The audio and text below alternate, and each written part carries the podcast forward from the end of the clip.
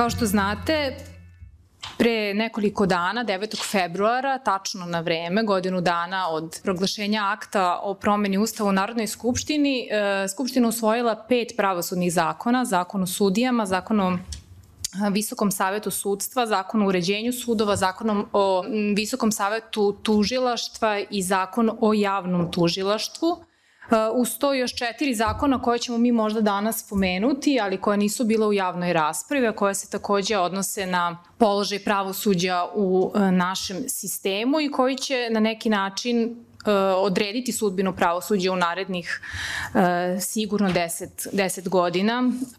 Vlada je obelažila usvajanje, vlada kao predlagač ovih zakona, a i onda vladajuća većina koja je prilično preuzela retoriku predlagača, e, obelažila je usvajanje ovih e, zakona e, rečima tektonske promene, transparentnost i inkluzivnost. Ovde danas sa mnom su ljudi koji će odgovoriti upravo na pitanje da li su se dogodile tektonske promene i to pre svega da li se pomerila ona glavna ploča koja se tiče političkog uticaja na sudstvo i na tužilaštvo, kao i kako stojimo sa stvarnom transparentnošću, odnosno javnošću ovog procesa i e, kako stojimo sa inkluzivnošću, odnosno sa e, mogućnošću uticaja, odnosno koliko je javnost i, i stručno i opšto mogla da utiče e, na sadržaj zakona o kojima ovde govorimo.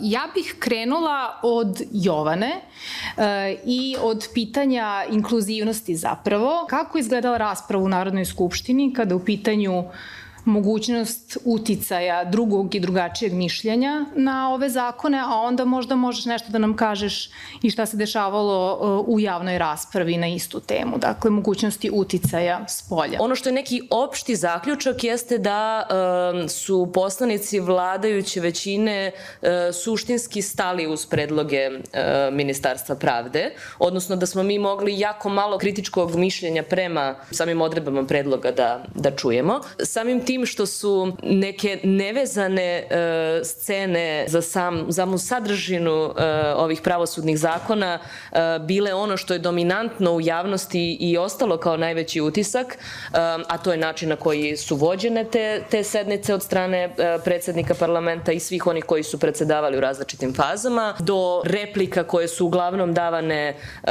predstavnicima vladajuće većine uh, da, da praktično pričaju šta god i najčešće direktno usmereno ka opozicionim poslanicima, a ne ka onome što su predložili kao, kao amandmane na zakone, zapravo govori o, o trenutnom stanju parlamenta i političkoj kulturi i zapravo nezainteresovanosti za, za temu e, pravosuđa.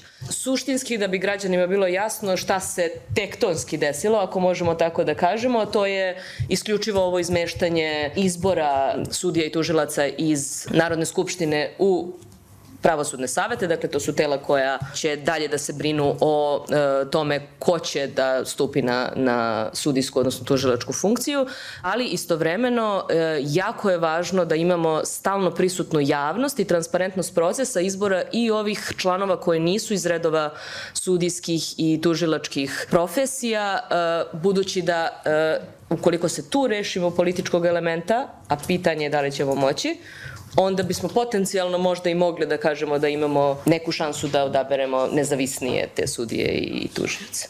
Da kažemo da je moj glavni utisak e, da je nekako, kao, kao da je svima bilo stalo da se proglasi da je ovo jedan odličan primer inkluzivnosti i transparentnosti i to smo mogli da čujemo možda najbolje da vidimo iz izjava e, zvaničnika evropskih na pojedinim konferencijama. Recimo, sećam se e, jedne konferencije koja je organizovana pet dana pre e, okončanja roka za dostavljanje predloga tokom javne rasprave, gde smo mogli da čujemo ocene kako je proces bio transparentan, kako je sve bilo kako treba i tome slično. Dakle, Takve ocene su svakako bile preuranjene, pa makar bile e, jednim dobrim delom i tačne.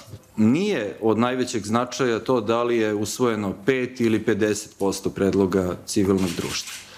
A, bitno je da svi predlozi budu valjano razmotreni i da e, budu prihvaćeni oni koji zaista unapređuju tekst zakona, naravno odbačeni oni koji to ne čine. I tu dolazimo e, do, do problema. Ja ću vam reći jednu statistiku koja se tiče naših predloga na jedan od četiri zakona. E, zakon o Visokom savetu tužilaštva, imali smo 23 konkretna predloga tokom javne rasprave, dva su delimično prihvaćena, pri čemu, sad da paradoks bude veći, u obrazloženju uopšte nije navedeno da su ti predlozi prihvaćeni. I, što je najgore, u šest slučajeva se uopšte ne vidi iz obrazloženja zašto predlog nije prihvaćen, ne vidi se da je on uopšte razmatren. Nismo bili lenji, već smo dobar deo ovih predloga dostavili svim poslaničkim grupama, kao što i inače praktikujemo. Četiri opozicijona kluba su podržali pojedine uh, amandmane, odnosno stavili su ih u proceduru na naš predlog i onda smo mogli da čujemo i tokom te parlamentarne debate neka još dodatna objašnjenja koja, ajde da kažemo, no, ovaj, blago rečeno, ne piju vodu, jel da? Evo, recimo, jedan primer, ima, kad je reč o članovima pravosudnih saveta, ima jedna odredba koja kaže da oni ne mogu biti zaposleni nigde drugde, i da jedini izuzetak postoji kad je reč o profesorima pravnog fakulteta. I sada, ok, onda smo pitali, a zašto samo profesori pravnog fakulteta? Zašto recimo ne i pravnici, istaknuti pravnici, jel da, koji rade na nekom drugom fakultetu? Ima i takvih. Možda i neko od njih valja. Prvo nismo dobili nikakvo objašnjenje, a onda e, kada je e, predložen takav amandman da se ta e, odredba briše, onda je bilo obrazloženje da u stvari postoji takav izuzetak već i u zakonu o Ustavnom sudu, pa onda kao da treba i ovde. Znači, to, toga su se, da kažemo, naknadno dosetili. Mi smo sve vreme ovog procesa insistirali na tome da postoji jedna zakonska obaveza u zakonu o sprečavanju korupcije, uvedene je pre nekoliko godina, da kad se rade nacrti zakona iz pojedinih oblasti, da se pita agencija da oni daju mišljenje imali tu nekakvih koruptivnih rizika. Insistirali smo na tome, dakle, još negde u septembru, oktobru mesecu, kad su postojale samo radne verzije, e, tada nije bilo nikakvog odgovora. E, ponovo na javnom slušanju koje je organizovano kad je zakon, kad su predlozi zakona već došli u Skupštinu, da, bi, da bismo tu prvi put čuli da je mišljenje traženo i dobijeno, ali nigde ga nije bilo. Znači, to mišljenje agencije, agencija sama nije objavila, e, ministarstvo, odnosno vlada u predlogu zakona ne pominju ni jednom rečju e, da, da su bilo šta od toga razmatrali na ovaj ili onaj način. I onda e, smo uspeli e, na osnovu zahteva za pristup informacijama, i to ne od agencije, već od Ministarstva pravde, da dobijemo to mišljenje e, agencije. Dakle, o čemu se radi? Agencija je videla jedan manji broj e, rizika, mnogo manji broj nego što smo ih mi uočili u našim, našoj analizi i predlozima, ali videli su ih i ukazali na neke važne stvari, da neki pojmovi e, nisu dovoljno određeni, između ostalog, koliko se sećam i ovaj politički uticaje baš e, među njima. Ono što je trebalo da se desi je da zatim e, ili zakoni budu unapređeni kako bi se ti rizici smanjili ili makar da se da obrazloženje zašto ovaj, vlada smatra da oni nisu bitni, ali takvo obrazloženje nismo mogli da čujemo, ali da ne ispadne samo da krivimo ministarstvo, jednaki, jednaku krivicu u celoj ovoj stvari ima sama agencija, koja očigledno nerado čini bilo šta što se može razumeti kao kontrola onih koji su na vlasti i e, oni do dana današnjeg, e, odnosno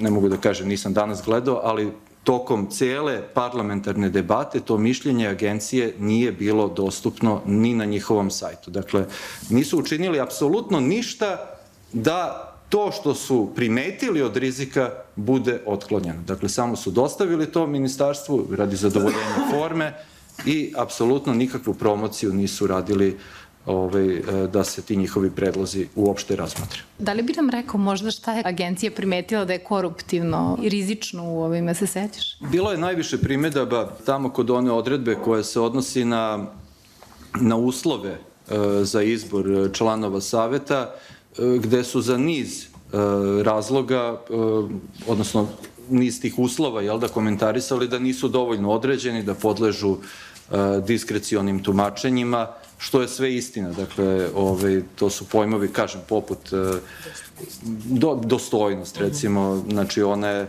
još kako tako i definisana, ali imamo i politički uticaj, imamo neprimeren uticaj, to je bilo apsolutno najviše, najviše osporavano sa njihove strane. Kako je moguće da se poverovalo da u društvu u kojem čuli smo, ako unazad krenemo i kako je debata u parlamentu izgledala, gde se debatuje o pravo, najvažnijim pravosudnim zakonima, a pominju se skaredne reči, ne govori se uopšte o tome, meša se to sa političkim diskursom, Kako je moguće da je se poverovalo da će u političkoj dominaciji jedne grupacije koja se možda unazad nekoliko decenija najgore upravo prema pravosuđu odnosila, koja je fabrikovala afere kriminalne od kojih ali ni jedna nije izvedena pred sud. Kako se moglo poverovati da je to moment za tu našu konačnu temeljnu reformu na koju ćemo svi jednoga dana biti ponosni. Tri su, čini mi se, ključna faktora zašto se u ovo uopšte ušlo ako znamo to što znamo. Prvi je da vlast je imala vrlo jasan zahtev Evrope i vrlo jasne limite da se sa ovim mora završiti, da se promena ustava u delu pravosuđa mora izvršiti i to je bio jedan od takozvanih tih pristupnih zadataka, vrlo jasnih, isticali su rokovi nekoliko puta, to je bilo postavljeno vrlo jasno. Drugi moment koji je važno, čini mi se znati ako se sagledava ova priča je da je vlast bila svesna da će napraviti uređenje koje suštinski ništa neće promeniti.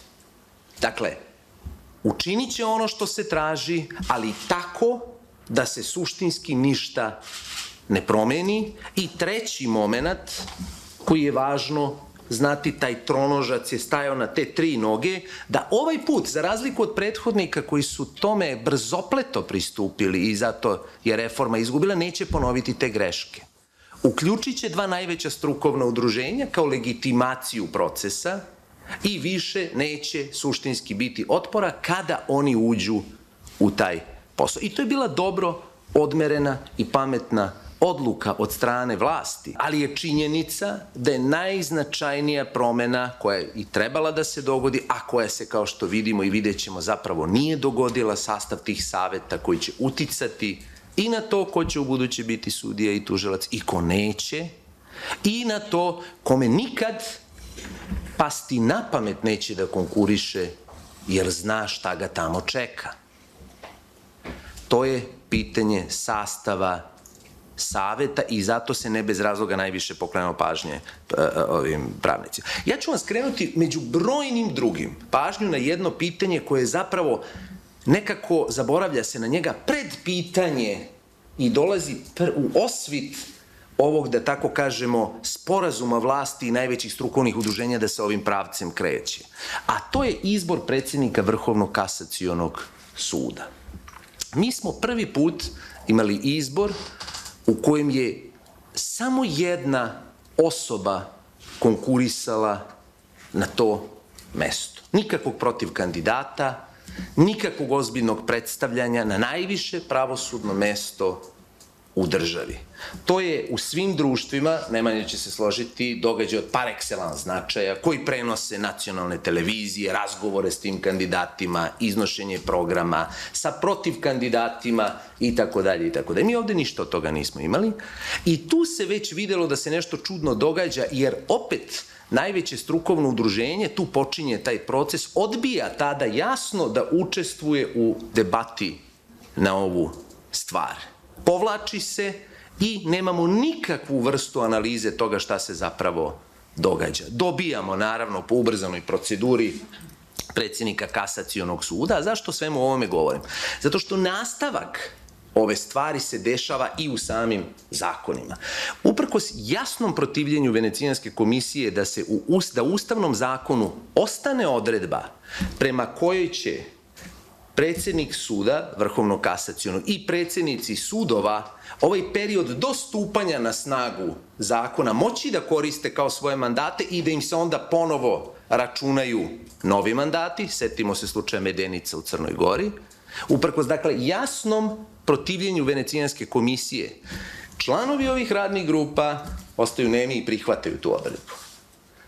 Tu je takođe napravljen jedan vrlo opasan kompromis, jer ćemo mi verovatno sada ponovo imati situaciju u kojoj će ista lica, poput republičkog tužioca, tako i ovih, ponavljati te svoje mandate i sada sa stupanjem zakona na snagu isteći će im prvo ovi koje su ranije stekli, a zatim će moći ponovo jel te, da obnavljaju te svoje mandate i kada izračunate koliko oni traje, znači po više decenija neki od njih će moći da budu na tim mestima. Skrećem pa... Izvini što te prekidam samo u brojkama, to je kod gospođe Vasović koja je predsjednica Vrhovnog suda još 8 godina, ukoliko mhm. produži uh -huh. svoj trenutni mandat i dobije novi, a kod gospođe Dolovac još 10 godina, što bi ujedno bilo i moje potpitanje za mhm. tebe, tog takozvanog e, odloženog efekta e, ili odloženog dejstva ovih zakona. Da li, da li ti vidiš jel, taj ustavni zakon kao jednu vrstu načina da se sve ovo što, što, što bismo eventualno pozitivno istakli, ovim personalnim rešenjima jel, i njihovim opstankom na funkcijama odloži za praktično još čitavu jednu deceniju? U Srbiji je sve pitanje personalnog rešenja. Mi moramo da shvatimo da mi nismo društvo u kojem se stvari rešavaju na načelnom mestu, pa kažemo nema veze, bit će neko drugi. Ne, Ono što dobro znamo i čemu nas iskustvo uči, ovde se zakoni donose za ime za onog ko je trenutno na funkciji i koga trenutno politička opcija podržava. Tako se ta rešenja i prave. Da te iste osobe ne moraju biti sada prekludirane kad stupe na snagu novi zakoni, već da za njih praktično ponovo počinje da se vrti brojač kao da se ništa pre toga nije dogodilo. To je bio veoma opasan kompromis između vlasti i ovih koji su u sastavljanju zakona učestvovali, a to je recimo jedna od odredbi na kojoj se jako malo pažnje polaže, a ona vrlo suštinski označava prirodu ovog sporazuma, da tako kažemo. Šta je bilo potrebno dobiti, šta je bilo potrebno učiniti da bi to prošlo. Takvih odredbi je još. Setimo se insistiranja s početka, opet moramo samo makar nakratko pomenuti istaknute pravnike, o tome da će se insistirati da to ne mogu, čak su predstavnici ovih udruženja veliki govorili da minimum pet godina ne, mo, ne smeju biti u politici. Na tome će se, kaže, insistirati. Poslednja verzija, znate li šta je? Da čak i u momentu podnošenja prijave mogu biti u partiji, ali ne kada stupe na dužnost. Sad zamislite, samo evo skrećem vam pažnju na taj moment.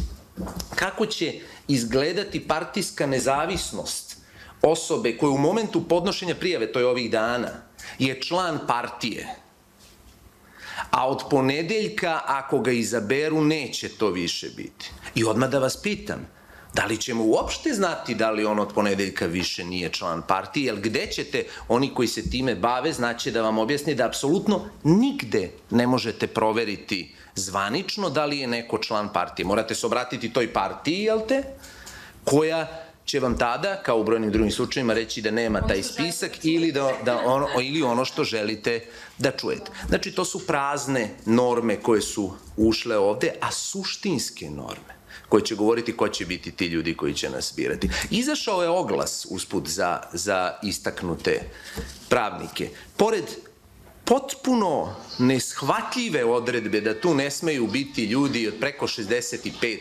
godina, da sam mogu da optiram između dve opcije, ja bih rekao pre da tu smeju samo biti ljudi preko 65 godina. Ne smeju, dakle, biti ljudi preko 65 godina. Vi ćete vidjeti jedan, što kažu da nije tužno, bilo bi smešno, spisak zahteva. Mi smo istaknutim pravnicima proglasili ljude koji su neosuđivani, protiv kojih se ne vodi krivični postupak i koji su završili pravni fakultet. To je moraju da dostave isprave o otčitanoj ličnoj karti, izvod iz matične knjige. To su istaknuti pravnici u Srbiji. To je dakle ta istaknutost koja će birati, razrešavati i odlučivati o tome ko će biti sudija i tako dalje i tako dalje. Samo i završavam time nekoliko reči o ulozi Venecijanske komisije, mislim da to nismo pomenuli. Nije bez razloga zašto, čuli smo, svaki od ovih predloga prvo dostavljan Venecijanskoj komisiji, jer jednako kao što je bila potrebna legitimacija udruženja, sudijskih i tužilaških, tako je bio potreban i pečat Venecijanske komisije. Ta dva uslova su tu da pokažu da je ovo sve u redu. Ali podsjetit ću vas, bez ikakve želje da umanjujem značaj Venecijanske komisije šta više, da je ta ista komisija pre reforme 2009. davala vrlo ohrabrujuće tonove. Ja ovde imam izjave zamenika predsednika Venecijanske komisije koji ohrabruje vladu da krenu u jedan sveobuhvatan izbor sudija i tu pročisti one koji valjaju i koji ne valjaju. Kada su stvari krenule nizbrdo, onda je ista ta komisija kao i druge evropske institucije potpuno krenula priču i rekla, e, pa mi smo videli normativno, ali mi nismo znali kako ćete vi to da sprovedete u praksi. Čekaj, vraćaj se nazad. Ono što ja očekujem je da će se desiti ponovo ista stvar, jer mi već sada vidimo najave i najvećih zagovornika ove reforme koji kažu da, da, da, to je dobro, ali pazite, nama fali, nama fali kultura, nama fali pravna i politička kultura, ako to bude se izmenilo, ovo će biti super. I normalno da se logično pitanje postaje, pa da sad imamo pravnu i političku kulturu, da li je uopšte i trebalo menjati. Pa mi smo menjali, ušli u proces promene zakona zato što nemamo pravnu i političku kulturu. Zato što nam predsednik Republike govori ko je kriv, ko nije kriv. Zato što nam se republički tužilac klanja pod karton kad izlazi pred novinare. Zato što nema ni jednog jedinog postupka koji je ovde pokrenut, koji ne sme da se pipne ako ima bilo kakve veze sa vladajućom garniturom. Dakle, da imamo pravnu i političku kulturu, sve ovo ne bi trebalo. Bojana, radiš u tužilaštvu preko 20 godina i sada kada za koji dan postaješ od zamenice eh, javnog tužioca, jav, javna tužiteljka ili uh, javni tužilac. Da li misliš da ćeš doživjeti u svom svakodnevnom radu neku stvarnu promenu i neku, da, da li ćeš doživjeti neki veći stepen slobode i ako da, zašto da, ako ne, zašto ne, jer smo negde čuli u ovim obrazloženjima da zapravo baš ta promena donosi nešto sasvim novo srpskom tužilaštvu. Naravno da, da sama promena naziva ne znači ništa i neće doneti ništa.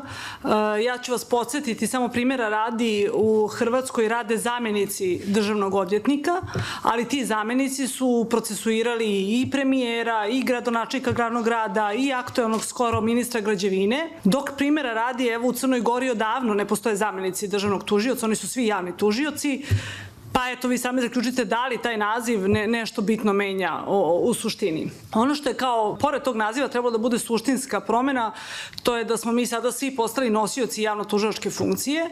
Međutim, nigde nije u zakonu dalje razrađeno na koji način, gde se to vidi.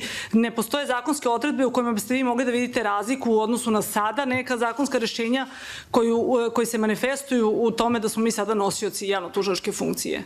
Uh, ono što, što, što je dobro u zakonu, to je taj prošireni imunitet e, koji se ja nadam da će e, ljudi više koristiti. E, u buduće trebalo bi po slovu zakona da ne možemo da odgovaramo ne samo za odluku koju smo doneli u predmetu, već i za mišljenje vezano za obavljanje javno-tužilačke funkcije. Ja se nadam da će to ljudi prepoznati pa da će barem taj prošireni imunitet koristiti u buduće više. Šta misliš da, da je propuštena šansa kada je u pitanju tužilaštvo za koje, koje i u farmom svi su mnogo povezani sa izvršnom vlašću nego što je to i sudstvo bilo čak i pre ovih promena. Apsolutno se slažem da je pitanje svih pitanja uh, ovo čemu je govorio kolega Majić, ko nas bira, ko razrešava, ko odlučuje o disciplinskoj odgovornosti, ko vrši nadzor nad primjenom pravilnika, ko odlučuje o prigovorima u svakom predmetu, znači to je suštinsko pitanje našeg bitisanja o, u pravosuđu.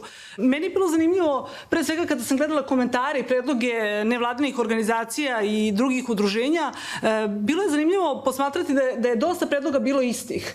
I jako dolaze uh, od nekih, pa moglo bi se rekli, reći suprostavljenih nekih strana. Primjera radi, ja sam kao neko ko radi u tužilaštvu, kao saradnik Ceprisa, se zalagala za transparentniju, pravičniju dodelu predmeta. To je bio predlog i advokatske komore Srbije. Mislim, vrlo je zanimljivo da i njima stalo e, do te pravične, e, transparentne dodele predmeta. Radna grupa je ovaj zakon, e, za, za ovaj predlog rekla da je delimično prihvaćen, sa obrazloženjem da su uveli jednu odredbu, opet poprilično paušalnu i neodređenu, gde će glavni javni tužioci se u buduće starati o neprestasnoj raspodeli predmeta. I to je tačka i kraj razrade tako jednog lepog načela. Jedan od argumenta je bio taj da princip slučajnog izbora sudije je pravni standard u svetu, a da nije to uh, slučaj za tužilaštva. Ja ću vas opet podsjetiti da primjera radi u Hrvatskoj i u Bosni postoji automatska uh, dodela predmeta, transparentna. Svako stupanje od takve dodele predmeta mora se kao i za sudije pismeno obrazložiti.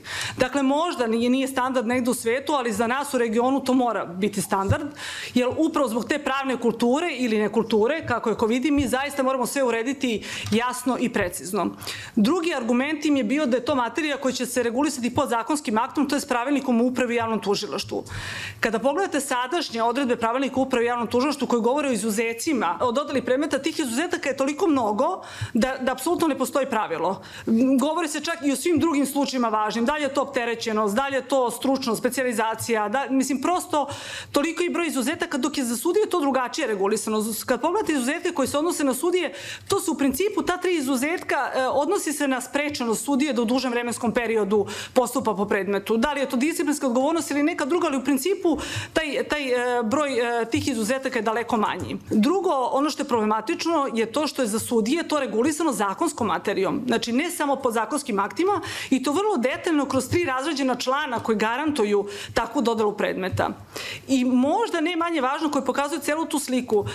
Pravilnik uprave javnom tužilaštvu donosi Ministarstvo pravde, dakle izvršna vlast, po pribavljenom mišljenju, mišljenju koje svako drugo mišljenje ne obavezuje, Visokog saveta tužilaštva. Dok, na primjer, poslovnik sudski će donositi zajednički Ministarstvo pravde zajedno sa njihovim savetom. Dakle, i kod, do, donošenja podzakonskih akata vidi se ta težnja izvršne vlasti da mnogo više ima uticaj u tužilaštvu nego u sudu.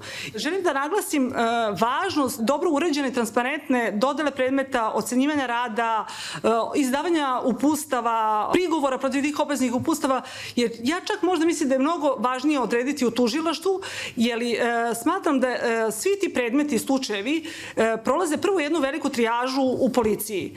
Posle toga prolaze jednu trijažu u tužilaštvu, a kada to je kao jedan levak, kada se sve to dobro istrijažira i proveri, jedan mali procenat onoga što policija i tužilaštvo odluči će doći pred sud. Tako da je sud već uskraćen dobio jedan procenat, ja bih čak rekla možda vrlo mali, onoga što je već prošlo sve ove provere, odobrenja i tako dalje da bi došlo do suda. Gospođe Samović za vas, dakle niko vama ne kaže ne može da dobiješ ovaj predmet, ovaj ćeš da dobiješ i tako dalje. Znači imaju oni razne mehanizme, to smo mogli da vidimo kako i kome da dodale koje određene predmete. Mogu da vas šetaju sada iz oblasti u oblast. Vi ste se recimo zahvaljujući sredstvima koja su dolazili iz Evropske unije ili ne znam, specializovali ili ste se dodatno obučavali da za borbu protiv organizovanog kriminala, sada vas baci recimo na porodično nasilje ili tako nešto. Jeli?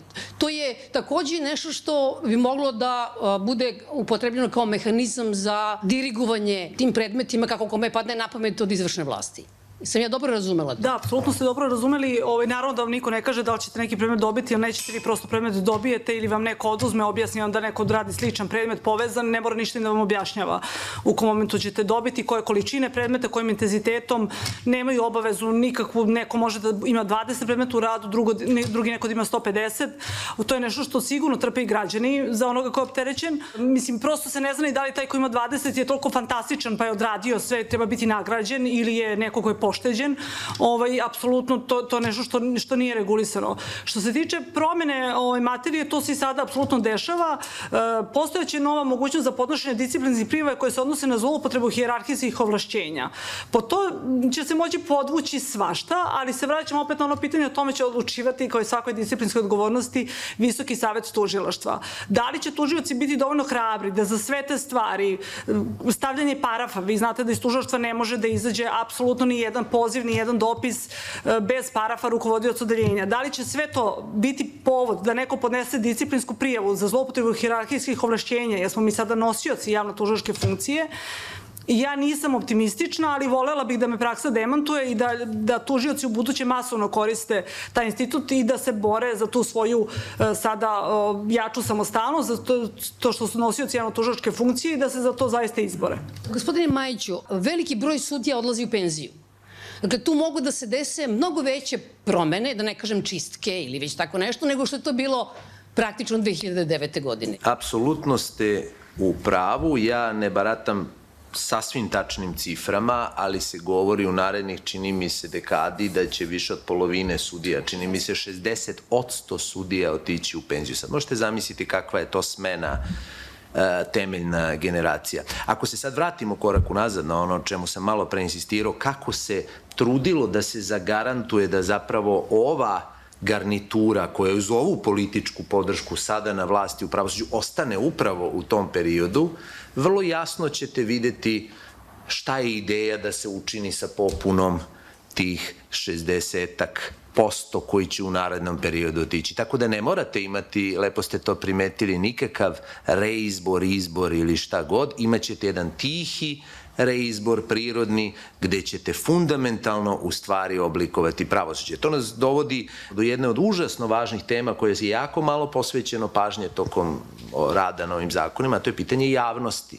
Centar za pravosudno istraživanje je bio jedna od organizacija koja uz naravno organizacije koje se posebno time bave posebno insistirala iz iskustva na to da se rad saveta u potpunosti otvori za javnost, da se te sednice snimaju, ne bez razloga, jer jako dobro znamo kako se tamo stvari odvijaju, da se snimaju i da onome ko želi budu dostupne na sajtu, ne moraju se one prenositi na nacionalnim frekvencijama, ali da se razgovor sa svakim kandidatom većanja u tom savetu koji je rad javan, jel te, To je recimo jedna od odredbi na koje se postojano insistiralo da se nikako ne unese u zakon. I zašto? Pa upravo zato da bi rad tih saveta mogao da nastavi ovako kako je radi. Rečeno je u obrazloženju odbijanja, isto je jedna od odredbi koje su različite organizacije predlagale. Kaže, ne, Javnost rada saveta se između ostalog postiče obaveštenjima, izveštajima i zapisnicima pozivam svakoga ko eto ima dovoljno vremena, ja imam i ovde, da izvršite uvid u bilo koji zapisnik Visokog saveta sudstva kada je reč o izboru sudija. Pod A, iz njega nećete videti ništa, apsolutno, iz njega će samo oni koji su izabrani znati da su bili izabrani, zašto ovi drugi nisu, niko nema pojma, ali ako ste dovoljno pažljivi, uočit ćete jednu pravilnost prva imena koja se saopšte kao predlog su obično imena sudija koje se budu izabrana, tako da se ostalima i ne glasa. Kada je reč o predsednicima sudova, mehanizam je obrnuti. Za prvog, za drugog ne, za trećega, kojih je troje, se glasa. Tako da postoji jedna vrlo fino uigrana šema, dakle, unapred verovatno pripremljenih imena, koje se onda samo puštaju kroz savet, a mi, kao ta javnost, Nemamo nikakve šanse da vidimo šta se tamo dešavalo. Kada je Cepris i time završavam zatražio da ima jednog prisutnog posmatrača radu Visokog saveta sudstva, dobili smo odgovor da je korona i da jedan čovek, pazite, jedan čovek, njih je 11 tamo sa saradnicima i više u toj prostoriji ne može da bude, a ja sam dobio od ove sadašnje predsednice društva sudija u jednoj emisiji odgovor da nemaju grejanje, inače će nas pustiti. Dakle, javnost je suština. Ako se na tome bude insistiralo, ako javnost bude insistirala na javnosti, postoji nekakva šansa, ne da ovo popravimo, ali da malo osvetlimo i time ih nateramo da makar grubo ne krše pravila koja postoje vezano za izbor ljudi. Prvo pitanje e, za gospođu Mandić rekla je da je stvar zamrznuta u narednih deset godina. Znači, bez ikakve ironije i šale, otkud vam taj optimizam? Drugo pitanje je za gospodina Majića. Ulili ste meni tračak nade da će možda Venecijanska komisija nešto. Ja sam samo govorila o prelaznim rešenjima koje omogućavaju ne samo predsjednici Vrhovnog suda i Republičkoj javnoj tužiteljki, dakle ove dve funkcije plus predsjednici sudova plus javni tužioci, svi će prema tim nekim prelaznim rešenjima ostati na svojim uh, funkcijama do završetka mandata i imati mogućnost da ponovo budu birani. A u kontekstu ovoga što smo pričali, da su zapravo personalna rešenja ta koja će odrediti obim slobode i samostalnosti sudija i tužilaca, moje vrlo slobodno tumačenje je da ako se ovi mandati do kraja budu koristili, mi u narednih deset godina nećemo videti pozitivnu promenu. Kada sam pomenuo da naši, kako se to ovde zove, evropski partneri umeju da promene odnos prema promenama, to je prosto istorijski fakt. Znači, jedno je kada vam oni daju podstice i da u određenoj fazi političkog procesa, to se ovde stalno nešto kao izbegava kao negativna reč, proces pridruživanja Evropskoj uniji čist par excellence politički proces. U jednoj fazi političkog procesa vas treba malo, jel te, ohrabriti, da ne biste kliznuli na nekakvu drugu stranu, jer ako baš ništa ne valja, čas posla ovakva društva kao što smo mi skrenu levo ili desno i onda vam malo daju, gledaju kroz prste, ali to apsolutno ne znači kada se, a ja se plašim da hoće, vrlo brzo pokaže da se ovim ništa nije učinilo suštinski ili pak da su pritisci na sudije i tužioce još veći nego što su bili, da neće reći to je nešto van našeg domašaja. Mi smo videli šta tamo piše, a to što vi ne poštujete propise, i što ih tumačite kako to je to je neka neka druga stvar. I oni se čak ako pročitate to mišljenje vrlo ograđuju u svom mišljenju i kažu da li će ovo stvarno dovesti do rezultata u mnogome zavisi od pravne, političke i druge kulture u vašem društvu. Čitaj Mi baš i znamo da ovo kod vas možda i ne bude ovako primenjivo, ali šta da radimo? To ste vi slažem se apsolutno sa tim da i Venecijanska komisija i, i Evropska unija gledaju ako su stvari odrađene na taj način da zadovoljavaju minimalne standarde, one su u redu, da tako kažem, e, jer prosto e, ceo taj sistem ocenjivanja napretka zemlje je jako e, birokratski I ja bih voljela da je Evropska unija ocenila državu Srbiju kao hibridni režim, ali formalno nikada nije, jer bismo na taj način možda dobili nekog novog pribea kao u Makedoniji, pa potencijalno mogli neke demokratske institucije da izvučemo um, iz tog zarobljenog stanja. Mislim da čak ako se podrobno čitaju izveštaje Evropske unije, tu sve piše.